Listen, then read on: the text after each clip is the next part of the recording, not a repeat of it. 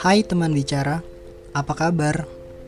Jangan lupa bersyukur buat semua pencapaian dan proses yang sudah kamu lakukan.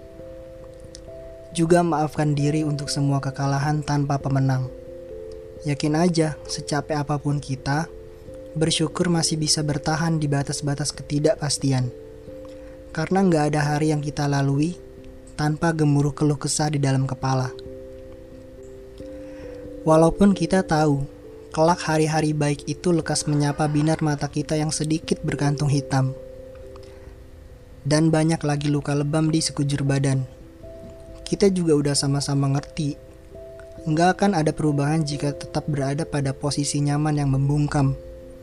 Dan pasrah pada kegagalan yang terus berulang. Beberapa hal di bumi emang rentan sekali. Gampang datang, juga gampang banget pergi. Kayaknya saya udah terlalu lama berdistraksi dengan bermacam kesibukan. Tentu masih dengan tujuan yang sama. Setiap harinya berusaha mengalihkan banyak konflik di dalam diri. Padahal, serangkaian kisah pelik itu adalah rekam jejak yang tanpa sengaja saya rawat sendiri. Lalu hari ini saya kembali pada masa di mana tahun-tahun kita berdiri adalah kubangan hitam yang penuh duka. Adalah hari-hari berlapis gemuruh badai yang tidak kunjung usai. Adalah sekompleks masalah pada bumi pertiwi yang diblokade oleh pandemi, juga tirani. Saya merasa ini tidak adil, tapi juga tidak bisa banyak bicara, karena ini bukan kapasitas saya. Saya kembali dengan maksud hanya ingin melanjutkan apa yang sudah saya mulai. Teman bicara. Kalau episode terakhir waktu itu, saya datang dengan bangga menggunakan label akronim nama dan kata kusut dengan makna di dalamnya, terus hilang entah berapa bulan lamanya. Maka hari ini saya kembali dengan beberapa lembar kabar dan seutas tali klarifikasi kepada isi kepala saya sendiri.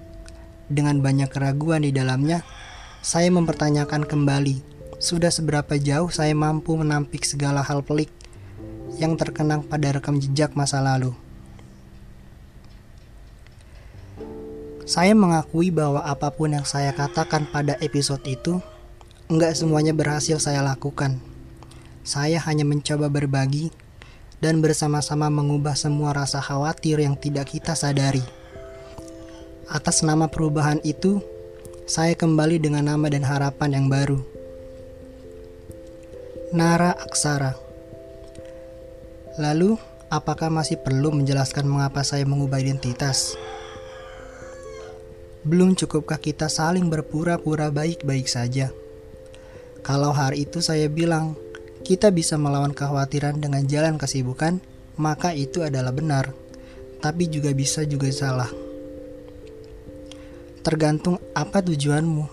Jangan sampai alibi menyibukkan diri demi menghindari banyak ingatan pelik, justru semakin lama berubah menjadi kejenuhan tiada henti. Sebenarnya, cepat atau lambat, segala hal yang kamu anggap terasa sesak akan hilang bersama terbiasanya kamu dengan keadaan, bukan memaksakan. Jadi, menganggap semuanya pernah ada dalam satu bingkai cerita tanpa perlu repot-repot penampik semua alasan pelik. Mengapa kita tidak kunjung menemukan titik balik? Adalah hal yang mungkin lebih baik ketimbang sibuk mencari banyak alibi hanya untuk membenarkan keegoisan di dalam diri.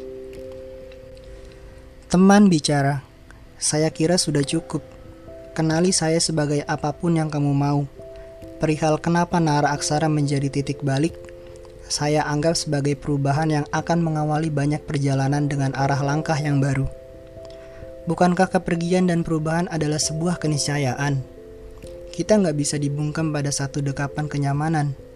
Yang perlu dipersiapkan adalah justru keteguhan untuk menghadapi segala hal baik dan kemungkinan terburuk yang akan datang. Dan jawaban atas segala keraguan yang mendominasi isi kepala hari-hari kemarin ada pada apa yang kita ingin lakukan hari ini. Semua orang berhak memiliki pilihan untuk berubah, bahkan ketika kamu sudah berada dalam posisi nyaman. Tidak menutup kemungkinan justru kamu akan jenuh dengan sendirinya. Pada banyak hal yang awalnya kamu kira itu yang terbaik. Begitu ambisiusnya pikiran saya dulu. Saya kira dengan cara memberi ruang kesibukan sama diri sendiri itu, mungkin bisa melupakan banyak kejadian-kejadian yang bikin hari-hari saya begitu amat mencekam. Seolah-olah saya jadi manusia paling tersakiti di bumi. Padahal kita aja yang terlalu memanjakan rasa overthinking setiap malam. Yakin deh, kamu juga kan? Tapi ini perlu digarisbawahi. Serangkaian kisah-kisah pelik yang banyak saya tulis di sosial media atau apa pun keluh kesamu yang juga banyak berkeliaran di sana itu bukan hanya perihal perpatahan duniawi saja. Yang saking klisenya, mungkin beberapa orang jadi agak skeptis, sering menghakimi dan meragukan segalanya, dengan alasan kamu atau saya terlalu berlebihan dalam mengungkapkan keluh kesah di sosial media. Padahal ada banyak yang dibahas selain perpatahan duniawi, misalnya soal kerjaan, soal circle pertemanan, dan beragam persoalan lainnya ada di sana. Cuma mungkin yang paling sering terlihat dan jadi konsumsi publik emang soal patah dan tumbuhnya perasaan. Kita nggak bisa membantah soal itu, karena memang kenyataannya demikian. Balik lagi ke diri kita sendiri. Yakin, kita masih punya kesempatan yang sama untuk bertahan atau memulai kembali dengan awalan yang baru. Selama nggak berhenti pada satu nama, satu tempat, satu impian, dan banyak lagi satu dari sekian banyak kemungkinan yang tertutup oleh mata dan pikiran kita yang lagi beku sama keadaan. Selanjutnya kita tiba pada akhir suara tanpa raga hari ini dengan seutas tali klarifikasi. Kenapa dari berbulan-bulan atau satu tahun berlalu saya baru kembali ke ruang bicara ini? Teman bicara, Terima kasih udah menyempatkan diri hadir dan dengerin semua obrolan yang gak begitu penting di sini. Intinya barangkali saya berniat untuk merawat rekam jejak hari-hari saya di bumi. Berhubung saya nggak bisa tampil di depan kamera, kayak abang-abang senior yang udah punya nama di sosial media sebelah. Jadi, saya cukup pede dengan ikut menyuarakan aspirasi saya lewat pesan suara yang bisa kalian dengar sampai dengan hari ini. Kalau ada orang yang bilang, mana ada kerja yang enak, namanya juga kerja, harus semangat, jangan lemah. Itu benar, tapi dengan beberapa catatan. Enggak semua orang bisa bertahan pada kondisi yang membungkam. Singkatnya, hari-hari kerja saya kemarin awalnya berjalan dengan sangat baik dan saya mulai merasa nyaman. Tapi semakin lama, saya merasa jenuh dan banyak hal dari diri saya yang enggak lagi bisa produktif sejak dua tahun lamanya saya berada dalam kenyamanan yang semu.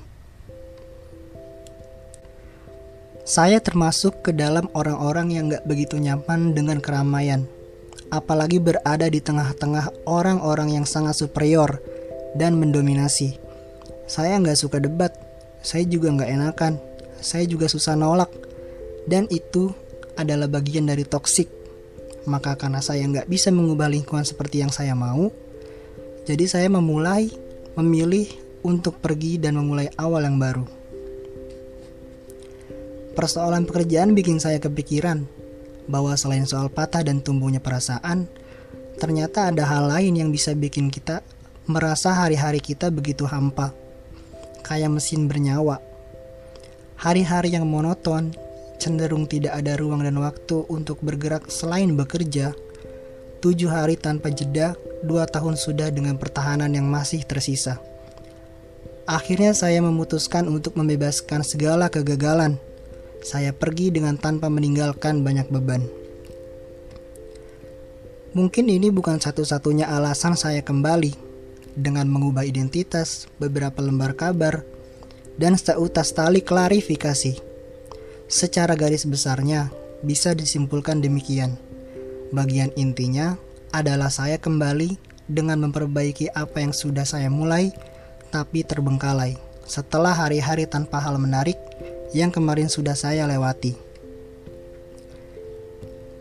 Teman bicara, jika ada hari terburuk yang berhasil kamu lewati, maka percayalah yang demikian terjadi adalah amunisi untuk membuat dirimu lebih baik dari apa yang kamu tahu. Beberapa hal memang datang dengan cara yang buruk, tapi tentu dengan banyak maksud yang baik. Selamat merayakan hari-hari pembebasan. Terima kasih, dan tetap jaga kesehatanmu, teman bicara. Suara tanpa raga, menyuarakan rasa tanpa ragu.